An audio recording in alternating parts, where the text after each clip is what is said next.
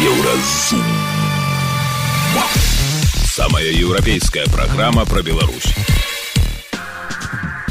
Вітаем гэта праграма еўразум і самыя важныя падзеі сэнсы серады 31 студзеня канцэпцыя нацбяспекі ці абароніць яна беларусаў ад губазіка я не мяркую што дойдзе да некага такого ажно канфлікту што карпянкоў вырашыць зрабіць такі паход на дразды або паход у раён ТЦ э, замок фінансавая стабільнасць і тое што ёй пагражае что адбываецца у эканоміцы нам предстоит построить 20 тысяч квадратных метров дополнительных производственных площадей ну и приобрести около сотни единиц высокосложного оборудования Гарцет ад скальёзу дзецям у беларусі даводіцца чакаць месяцамі. Чаму так? Лет 7 назад у нас вообще очереди практически не было потому что мало людей записывалось. А в последнее время у нас вот выросло. В прошлом году у нас вообще было год очередь Пра гэта ды іншае больш падрабязна цягам бліжэйшай гадзіны.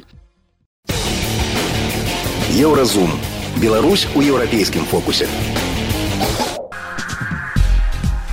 лукашэнкаўскія сілавікі актыўна рыхтуюцца калі не да рэальнага удзелу ў вайне і супрацьстаяння нато то як мінімум да змагання з каліноўцамі калі тыя надумаюць пайсці на Беларусь ну і яшчэ да вынішэння любога супраціву унутры краіны. Для гэтага і тэарэтычна заканадаўчую базу подводзяць змяняючы ваенную дактрыну і канцэпцыю нацбяспекі. І ўсё новыя ваенізаваныя структуры ствараюць. Асабліва стараецца ў гэтым накірунку прыхільнік вагнера вагнераўцаў і пагроза вітрын карпянкоў.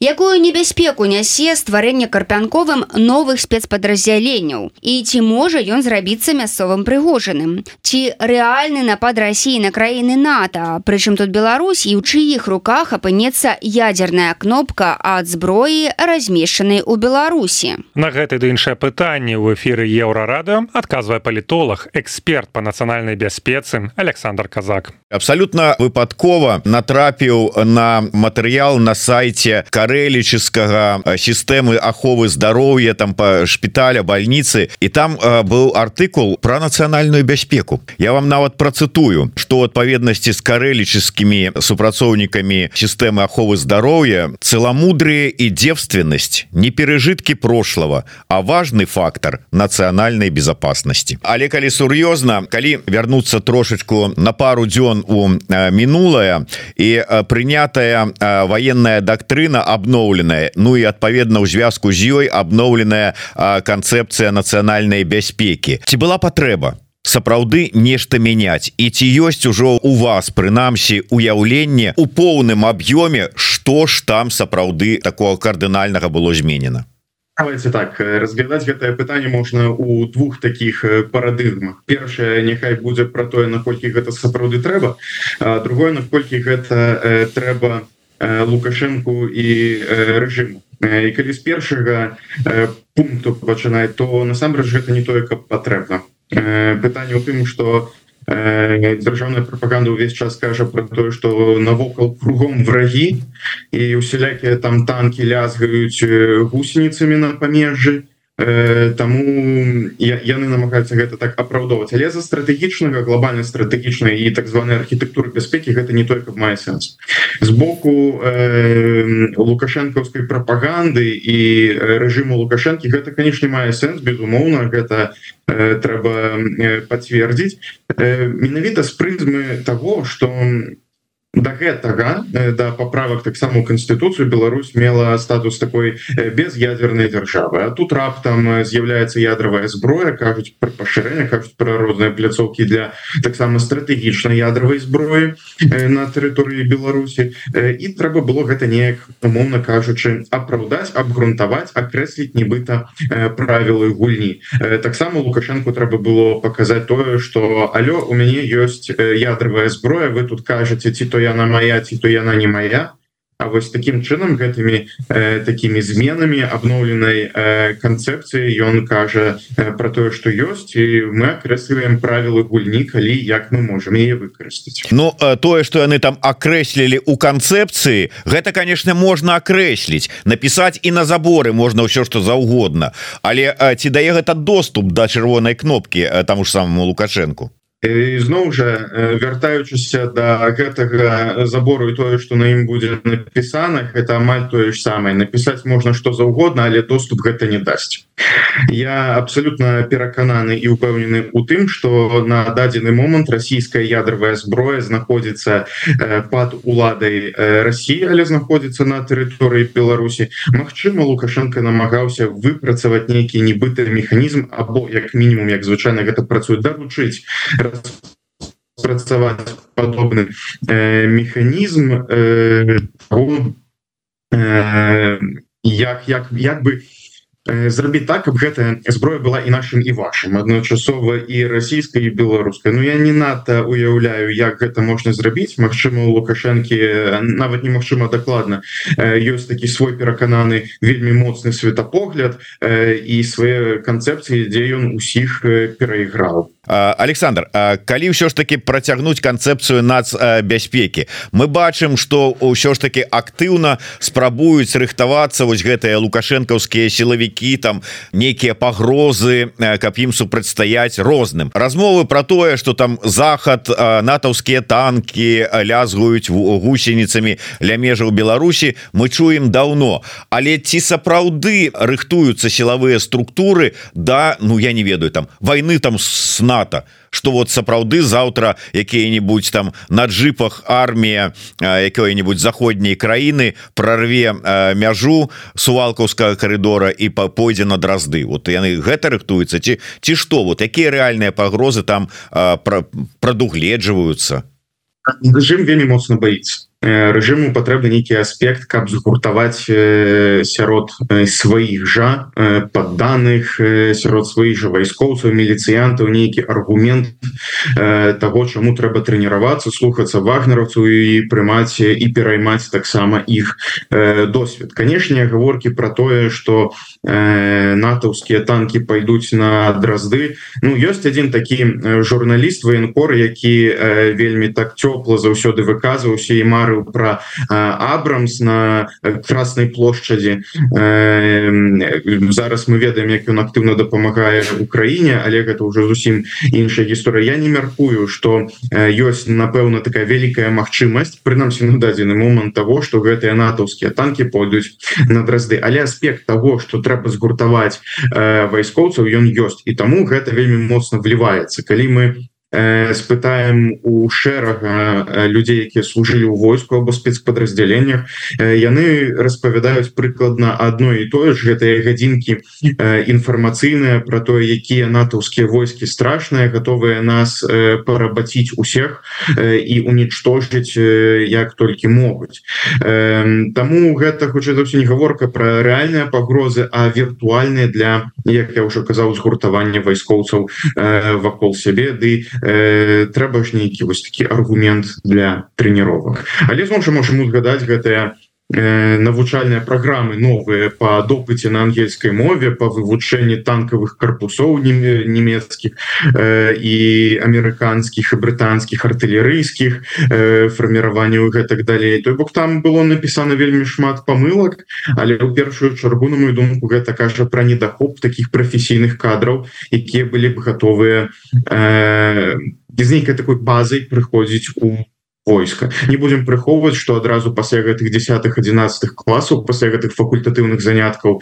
з э, вывучэння э, м1 а1 абрамс э, яны або пэўная частка э, маладых хлапцоў пойдзе у войска і не зможа ехаць з краіны або неяк адмовіцца ад гэтай службы ў войску. а Працягваем размову з Александром казаком. Дарэчы калі ўжо пра войска загаварылі афіцыйна шмат размоваў пра тое что войска гэтае не беларускае что там э, с русскім мірам у галаве асабліва калі браць афіцераў уже нават не пра генералаў якія там военную акадэмію ў Москве пазаканчалі контрактнікаў гэтых ссошнікаў. То есть наколькі оно беларускае гэтае войска с аднаго боку з другого боку. Калі вот любое чужое войска успрымаецца як акупант то на расійскае войска гэта гэта распаўсюджваецца у сённяшніх умовах. Вот вырашыла анексаваць Россия Беларусь канчаткова і что? Я мяркую что расіяне не будуць трактавацца тымі беларусамі якія застались унутры Беларусі як ворагі або акупанты. Гэта прыватна моя думка. Чаму яны так не будуць трактавацца? Прапаганда вельмі моцна попрацавала над гэтым. І таксама над наратывам что беларусы гэта рускія со знакам якасці і гэтак далей. Той бок вельмі моцна прасоўваецца гэты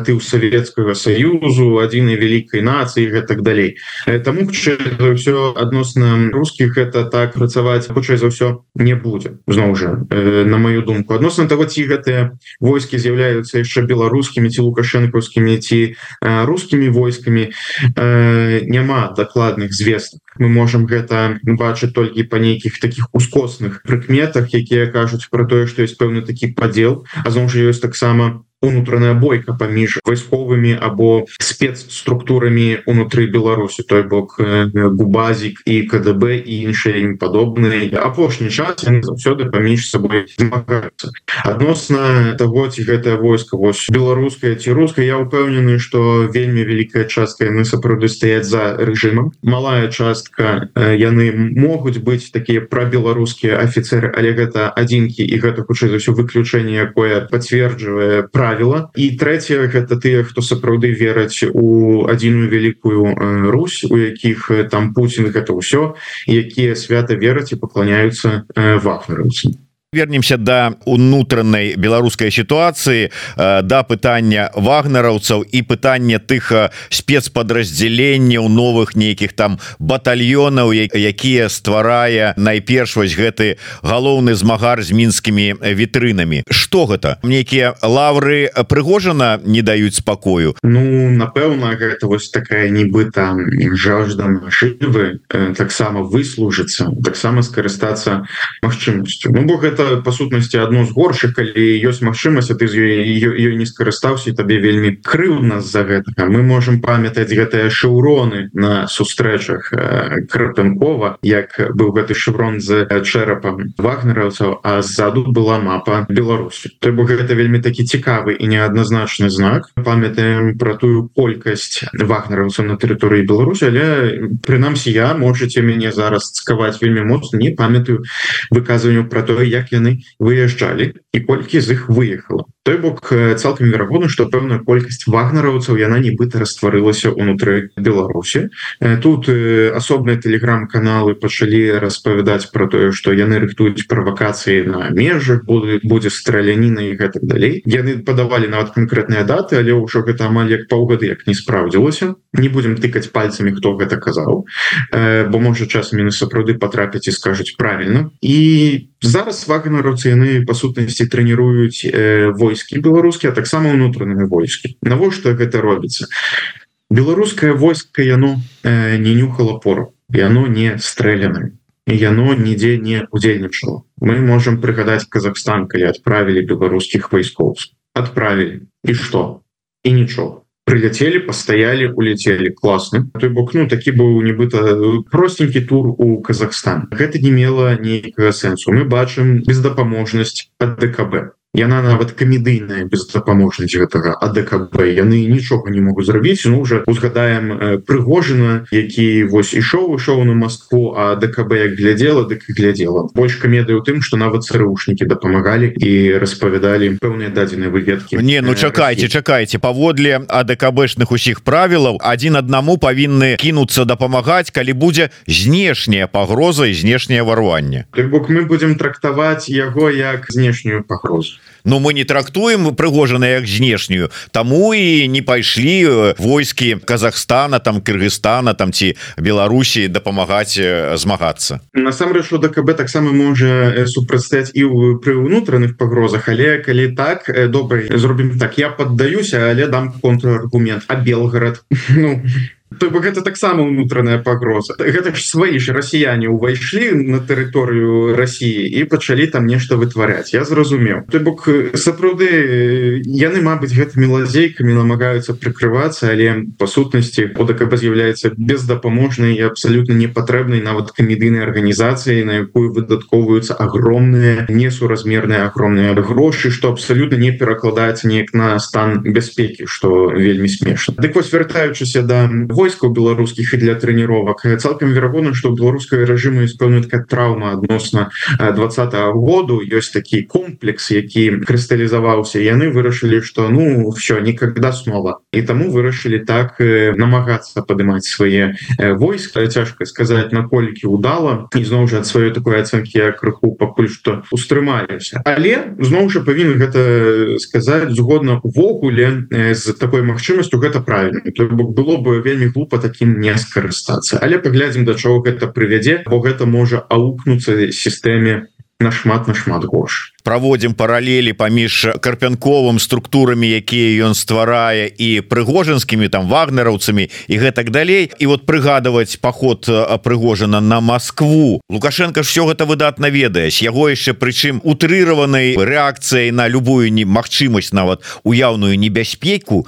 Ён же ж можа сабе уявіць зараз на стварае вось гэтых сваіх полу нейкіх прыватных подраздзяленняў карпянкоў. І на дразды рушыць Чаму вот все ж таки вот? ну, тому і ствараюцца зараз такія адзінкі не будем их пералічваць э, у голас прыватныя вайсковыя кампаніі якія арыентуюцца якраз таки на Афрыку той бок яны павінны быць знешнім калі мы вернемся до да вагнеру праблема путча вагнера у тым что вельмі часто такі чалавек як прыгожан адносна сітуацыі на фронте казаў вельмі незручна для Кремля прав таксама гэтая правда яна вельмі моцна аукалася ўнутры Кремля. Адбыўся такі ўнутраны канфлікт что і прывяло до да, гэтага походу калі казаць про поход як поход нейкую такую магчымасць унутры Беларусі Ну Окей мы можем рассмяць але згодна з перадпасылкамі з гэтымі прыкметамі і подставамі гэта ўжо зусім іншае. Насамрэч і вагнераўцы яны не з'явіліся не з ніадкуль яны удзельнічалі і ў сірыі і ў Афрыцы вельмі доўга функцыянавалі іх просто вырашылі выкарыстаць таксама падчас войны ва ўкраіне і таксама вырашылі скарыстацца гэтай старой як свет канцэпцыі панабіраць зэкаў дадаць у чальцы вахнераўцаў каб яны гінулі за пуцінскія ідэі. Той бок я не мяркую что дойдзе да некага так ажно канфлікту что карпянкоў вырашыць зрабіць такі паход на дразды або паход у раён ТЦ замок эфиры еўрараду быў палітолог і эксперт по нацыянальнай бяспецы Александр казак ён паразважаў пра сутнасць дзеянняў карпянкова і распавёў ці рэальны напад Росіі на краіны НАТО еўрарадыё кропка фм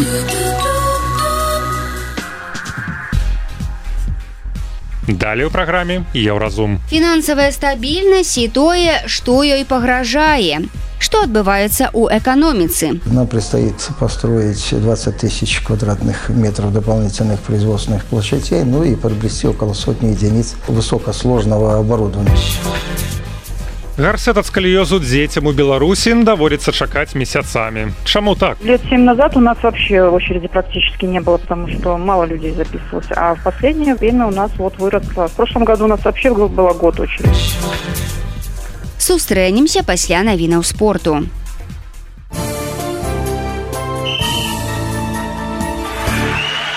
На еўрарадыё навіны спорту. У беларускай хакейнай экстралізе ў шахцёра ўжо тры паражэнні запар. Салігорцы прайгралі дома жлобінскаму металургу 4-5. Тым не менш шахцёр працягвае лідыраваць у яго 76 ачкоў. У віцебска на 4 менш і матч у запасе. У баскетбалістак мінска 17 перамога запар у чэмпіянаце беларусі. У гродні яны разграмілі мясцовую вікторыю з фантастычным лікам 130 29 у мінска стала 34 ачкі. У гарызонта на два менш і гульня ў запасе. Брэская дынама подпісала контракт з форвардам германам баркоўскім. У мінулым сезоне ён выступаў за энергетык бДУ забіў 6 галоў. у Трыбуна нагадвае, што цікавасць да футбаліста была з боку гродзенскага нёмана мінскага дынама і батэ. Упершыню з 2016 года еўрапейскія футбольныя клубы за каляндарны год зарабілі больш, чым выдаткавалі. Розніца склала больш за 600 мільёнаў долараў. Гэта вынікае са справаздачы FIFA па трансферах у мінулым годзе. Тайландская паліцыя просіць не пералічваць грошы фэйкаваму хабі Алонса, а шуканец, які выдае сябе загалоўнага трэнера Байера, піша ў нстаграм на тайскай мове, што яму не хапае на білет у Великабрытанію і просіць яму дапамагчы. Да таго ж ён сцвярджае, што ў наступным сезоне дакладна будзе галоўным трэнерам Ліверпуля, з якога сыходзіць Юрген Клоп. Гэта былі навіны спорту, заставайцеся на еўрарадыё. Еўразум. Беларусь у еўрапейскім фокусе. Еўрарадыё. Моц настрою. Ад першага лютага ўраду вёў некалькі эканамічных навінак, якія тычацца так званых дармаедаў. Напрыклад, у дармаедскай базе цяпер будуць фіксаваць тых, хто выязджае з Беларусі праз Расію. А іпэшнікі змогуць пазбавіцца гэтага статусу праз выплату падаходнага падатку. А вось індывідуальныя прадпрымальнікі, якія займаюцца агародніцтвам, цяпер не толькі мусяць гэта рабіць выключна за мяжой мінска і абласных цэнтраў, але пры гэтым яны яшчэ і не могуць адсутнічаць у Беларусі больш за 30 дзён за квартал. У іншым выпадку іх залічаць у шэрагі дармаедаў. Тое самае тычыцца і шматдзетных маці. Каб не лічыцца дармаедкамі, яны абавязаныя фактычна пражываць у Беларусі. То бок знаходзіцца за межамі краіны не больш за 30 дзён цягам аднаго квартала. Вось так плаўна мы падышлі да эканамічных навін на еўрарадыё. І сёння наш эканамічны аглядальнік будзе распавядаць пра фінансавую стабільнасць. Слухаем. How much? Колькі? Добрый дзень з вами рубрика хау матч у якой мы гаворым пра асноўныя эканамічныя навіны беларусі сёння размова пра фінансавую стабільнасць і тое што ёй пагражае якія рызыкі бачыць для яе нацбанк і чаму ён мала што можа зрабіць калі старыя мегапраекты не працуюць дык самы час запусціць новы і вось беларусі Росія збіраюцца разам вырабляць самалёты Названк Беларусі лічыць, што на гарызонце ўзмацнення ціску на валютны рынок павышаны попыт на спажывецкім рынку і раскручванне інфляцыйнай дэвальвацыйнай спіралі. Усё тое, з чым мы вельмі блізка пазнаёміліся ў 11 годзе. Сохранение в 2024 году ускоренных темпов кредитования, сложившихся в прошлом году, приведет к нарастанию системных рисков финансовой стабильности, в особенности кредитного риска банковского сектора. На хвіліначку, гэта словы ни аднаго з незалежных эканамістаў. Цытата ўзята з афіцыйнага дакладу намесніка кіраўніка Нацбанка Дмітрия калечыцца. Увесь десятый год улады напампоўвалі эканамічны рост таннымі крэдытамі. Як вынік у 11 годзе інфляцыя ў Беларусі склала больш за 100 адсоткаў. Летась гісторыя ў пэўным сэнсе паўтарылася. Шчодрасць банкаў была галоўным стымулам беларускага эканамічнага росту ўвесь мінулы год. Урад шмат гаварыў пра свае поспехі на знешніх рынках, але Нацбанк лічыць інакш. Па ацэнцы рэгулятара асноўны рост адбыўся за кошт унутранага, а не знешняга рынку. Таго самага рынку, які шчодра напампоўвалі таннымі грашыма. За мінулы год банкі выдалі эканоміцы крэдытаў на 144 мільярды рублёў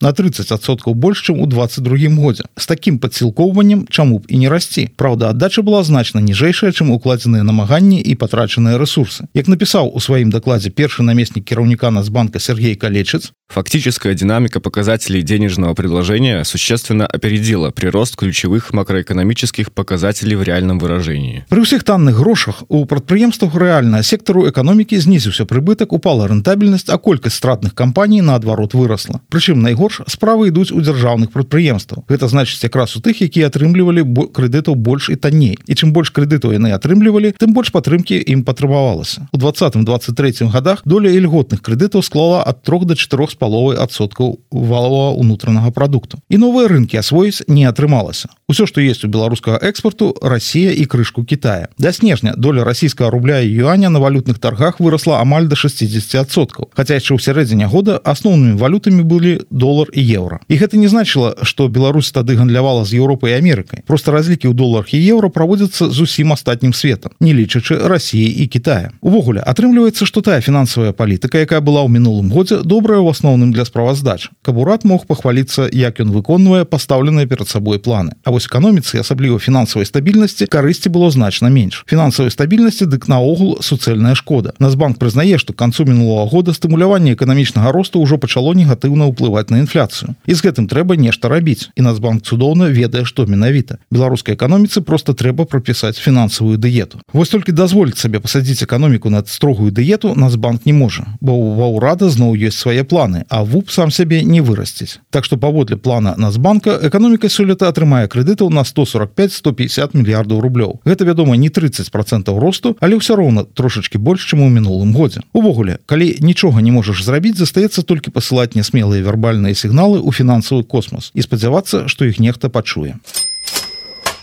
На гэтым тыдні Александр Лукашенко і Владимир Путін абмяркоўвалі свае планы на будучыню і агульныя праекты. Сярод гэтых праектаў ёсць адзін, пра які беларускі ўрад гаворыць не вельмі шмат. Толькі самыя агульныя словы. Між тым гэта адзін з найбольш амбіцыйных праектаў апошняга часу. Беларусь і Росія разам збіраюцца рабіць самалёты. Больш што пра гэта казаў намеснік прэм'ер-міністра Пётр Пархомчык. Мы сёння вместе разрабатываем, создаем этот самолет. То есть мы ведем ОКАР, притом все опытные конструкторские разработки финансирует Российская Российская Федерация, притом финансирует на условиях 50 на 50.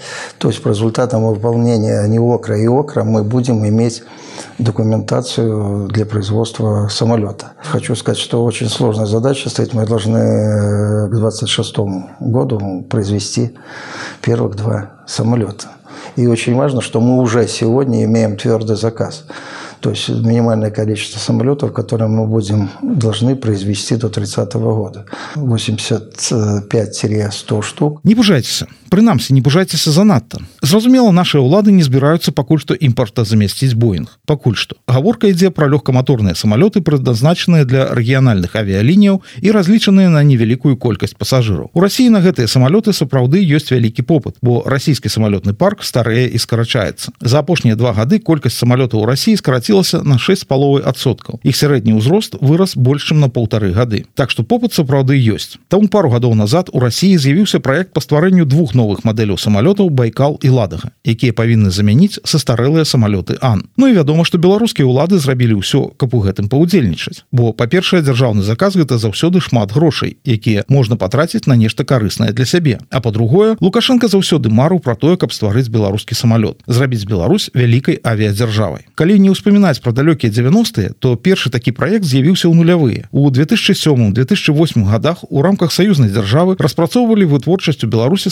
самалётаў мадэлі сапсан разлічаных на 16 пасажыраў абяцалі што ў год будуць э, рабіць больш за паўсотні такіх самалётаў першы павінен быў паляцець у 2010 годзе але не паляцеў хаця некаторую частку грошай аўтары ідэі паспелі асвоіць потым да гэтай ідэі ўжо з іншымі мадэлямі вярталіся ў 14 17 і 18 годах. Самалёта так і не з'явілася і вось зараз ізноў беларускі авіяцыйны ремонтны завод ужо падпісаў падгадненне з уральскім заводам грамадзянскай авіяцыі хутчэй за ўсё гаворка ідзе пра мадэль ладага якую зараз і збіраюцца рабіць на ўральскім заводзе і на першы погляд усё добра але як заўсёды ёсць некаторыя маленечкія праблемы вось што казаў пра мадэль ладага намеснік кіраўніка контрольнага управлення расійскага прэзідэнта валентин летуновскі код первый что э, значит вот вызывает удивление некое такое да отсутствие вот этого жизненного цикла от фундаментальных исследований до опытного образца и потом до сеть. Посылаючыся на расійскі мінпрамгандаль, Летуновскі патлумачыў, як адбывалася распрацоўка гэтай мадэлі. Ну что такое ладок? Мы взяли все лучшие варианты по Аннушке, какие были,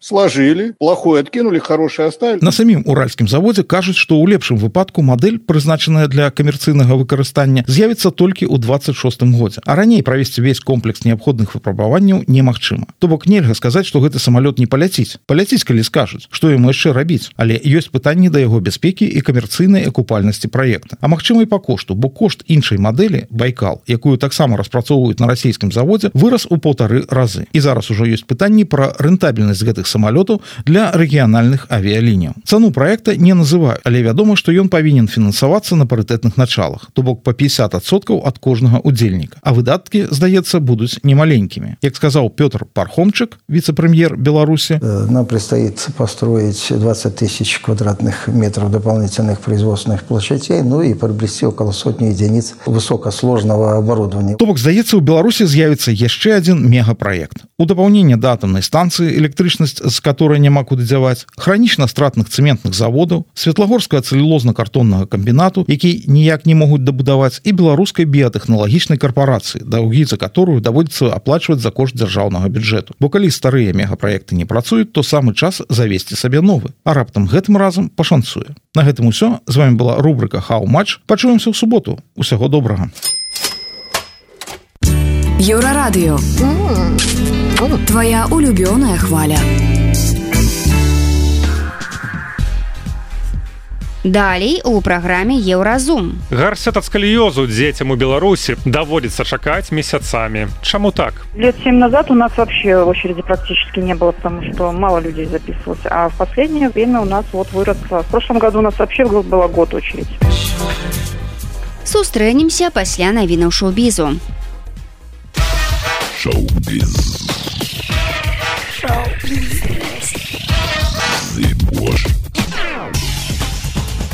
Навіны шоу-бізу на еўрарадыё. Шведскі мальмё пачынае актыўную падрыхтоўку да конкурсу песні Еўрабачання 2024 адбылося лёсаванне выступаў краін удзельніц у паўфіналах. Прысутны на цырымоніі выканаўчы супервайзер конкурсу мартин эстердаль сказаў што ліверпуль у мінулым годзе ўзняў стандарт правядзення. Таму ён спадзяецца што мальме будзе абапірацца на гэтую неверагодную працу. Вялікая пяцёрка з краінай гаспадыні удзельнічаюць толькі ў фінале але будуць галасаваць у паўфіналах. У першым германія швецыя і великкабрытанія у другім францыя іспанія і італія Конкурс песні Еўрабачання пройдзе ў Швецыі сёлета сёмага 9 і 11 траўня. Цырымонія ўзнагароджання беларускай прэміі кінакрытыкаў чырвоны верас адбудзецца 17 лютага ў межах еўрапейскага кінарынку берлінскага міжнароднага кінафестывалю. Пра гэта паведамілі арганізатары. На імпрэзе стануць вядомыя пераможцы ў 13 намінацыях.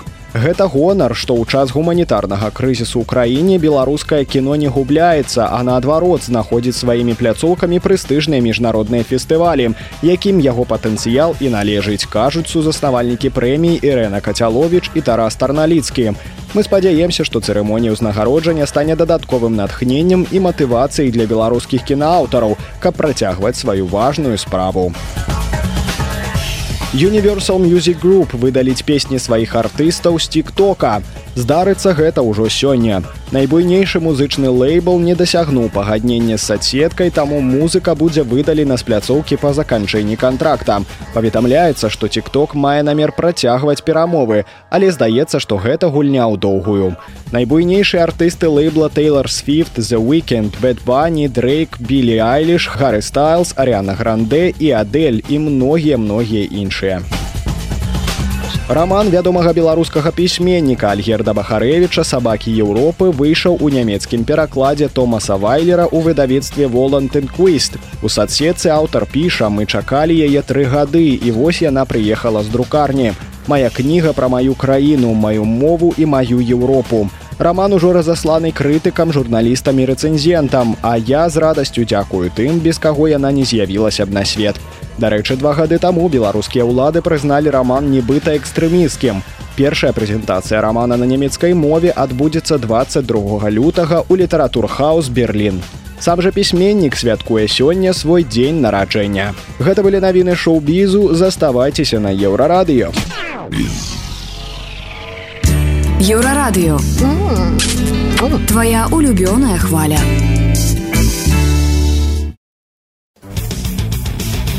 Еўразум жыві ў рытме Еўропы.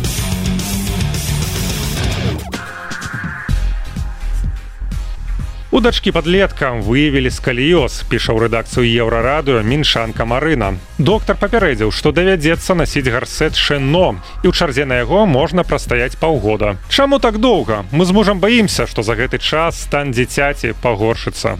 Па словах нашай чытачкі скаліёз у многіх аднакласніц дзяўчынкі. Ці можна сказаць, што дэфармацыя пазваночніка ў дзяцей і падлеткаў ператвараецца ў небяспечную тэндэнцыю. Як развіваецца хвароба і што наконт прафілактыкі і лячэння? Пра ўсё гэта мы пагаварылі з траўматолагам артапедам рустамам айзатуліным, а таксама даведаліся, што з чэргамі на гарсеты і ці можна дзе-небудзь іх зрабіць хуткам, хай нават за грошы. Паслухаем рэпартаж еўрарадыё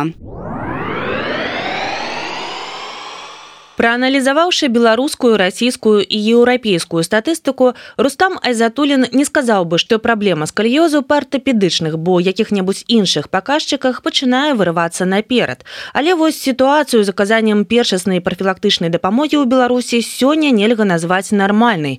Каб запісацца ў паліклініцы на масаж або якія-небудзь іншыя працэдуры, якія маглі б падтрымаць дзіця, пакуль яно чакае гарсет, часцяком даводзіцца таксама стаяць у велізарных чэргах чэргах.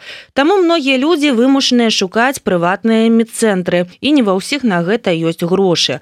У дадатак у беларускіх паліклініках не хапае артапедаў. На раёнах сітуацыя засмучае. Медык узгадвае, што пакуль не з'ехаў у 2021 годзе да яго прыязджалі пацыенты з розных абласцей краіны. Ім даводзілася здымаць кватэры на тыдзень, каб прайсці спецыялістаў, якіх не было на раёне. Па словах суразмоўцы сёння асноўная прычына скаліёзу гэта гіпадынамія цяперашняга пакалення ў выніку сядзення за кампутарамі тэлефонамі і прыстаўкамі. Як правіла скаліёз пачынае развівацца з парушэння паставы таму вельмі важна своечасова заняться профілактыкай очень важна начиная с ну, не младенческого возраста, а где-то у ребенка после 4-5-летнего возраста, когда у них уже начинает формироваться, во-первых, стереотип э, походки, стереотип посадки и стереотип позиционирования своего тела в пространстве. Это раз. Во-вторых, когда есть уже какой-то адекватный контакт между родителем и ребенком, э, ребенком и каким-то либо реабилитологом, инструктором услуга, когда ребенок может целенаправленно делать какие какие-то упражнения, слушаться и концентрироваться на чем-то. Потому что у детей где-то до 4-5-летнего возраста э, активно э, внимание сконцентрировано, ну, порядка там 10 минут, и все. Дальше ребенок будет заниматься своими какими-то вопросами, проблемами, мультиками, там, может, это будет нравиться и нравится.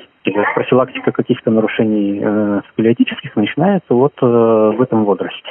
А, поэтому и существуют всякие группы там, раннего развития, группы детской гимнастики, спортивные секции какие-то. Все, пожалуйста, с этого возраста можно отдавать ребенка и смотреть, чтобы он как-то вел более или менее активный, адекватный образ жизни. Вот. А если же говорить о сколиозах э, возраста уже такого подросткового, либо сколиозов, которые уже классифицируются по степеням первая, вторая, третья, четвертая и так далее, то профилактика будет и лечение э, зависеть от того, какой отдел позвоночника у нас затронут шейный, грудной, поясничный, крестовый, либо в комплексе там грудопоясничный или там шейно-грудной.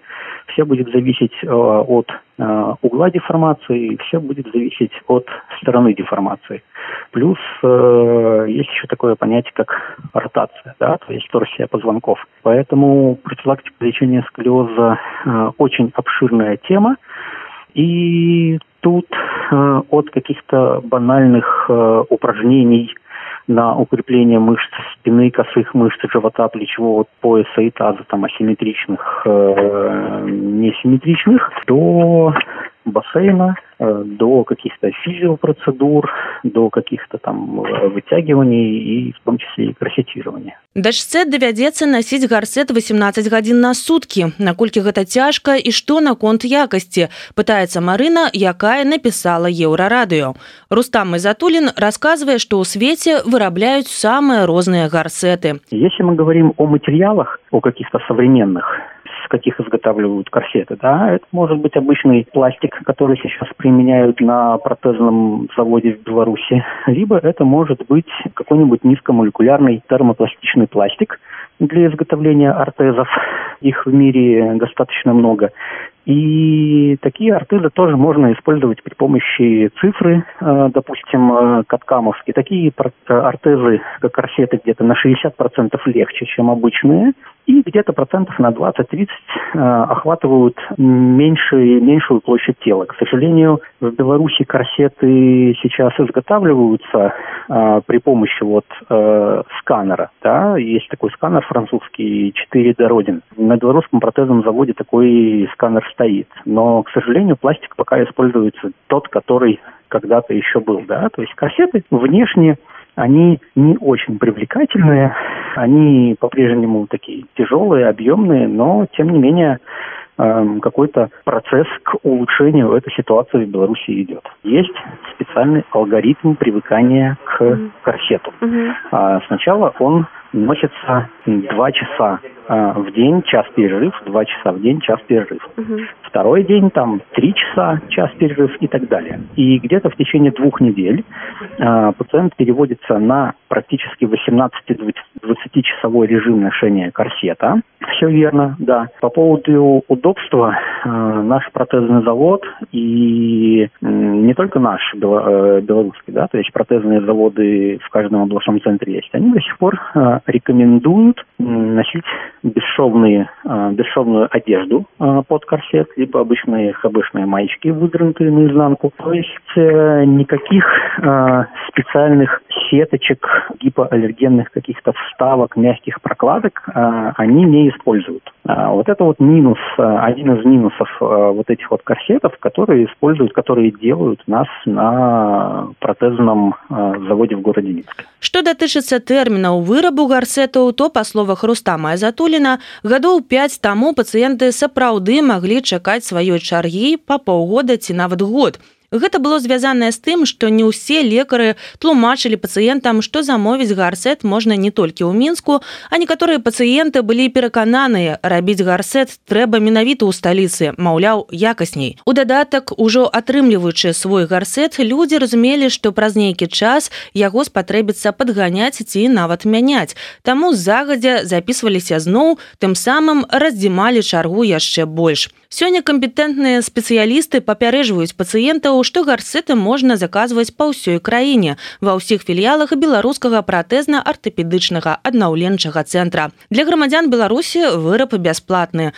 Можна патэлефанаваць ва ўсе і выбраць той, дзе чарга карацейшая, што ўласна мы зрабілі ад імя нашай слухачкі. По ситуации на конец минулого тыдня ближайший запись у Могилеве на красовик. Ребенок гражданин Республики да, Беларусь, да, правильно? Да.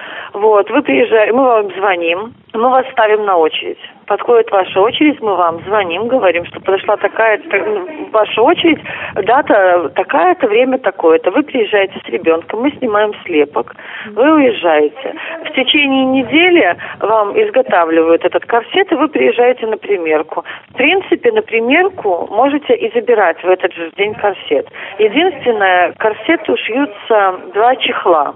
Если вы хотите эти два чехла, то тогда вам нужно будет оставлять здесь корсет для того, чтобы вам пошили чехлы. У барановішах сёння записываюць на ліпень. Сваю чаргу чакаюць 300 чалавек. У гомелі можна запісацца на чэрвень. Тут узгадваюць, што яшчэ некалькі гадоў таму самая доўгая чарга цягнулася месяц. У віцебску вы можете запісацца толькі на канец кастрычніка. У грудні гарсет будзе выраблены хутчэй. Ёсць вольны час для прыёму на сакавік і красавік. У мінску прыйдзецца чакаць чэрвеня. У чарзе 296 чалавек. І людзі тэлефануюць кожны дзень. Сколёз до 20 градусов его можно лечить другими методами. ЛФК, бассейны и так далее. Ну, видимо, осмотры такие у нас в поликлиниках ежегодные. Не обращают внимания или не смотрят, не знаю чем это объяснить. Наверное, не досматривают в поликлинике. Может, не осматривают именно вот на предмет сколиоза. Ну, в школе, вот когда смотришь, идут ежегодные. Смотрят же, и хирурги должны смотреть. И почему столько детей стало, не знаю. Буквально сколько там, год, лет семь назад у нас вообще очереди практически не было, потому что мало людей записывалось. А в последнее время у нас вот выросло. В прошлом году у нас вообще было год очередь. Поэтому даже не знаю что вам сказать. А делаем, получается, только одни мы. Мы и наши филиалы, больше никто. Ни частники, никто не делает больше. Рустам Айзатулін упэўнены, спадзявацца толькі на гарсет не варта. Так, ён сапраўды карэктуе спіну. Але самае галоўнае гэта праца з уласным целам.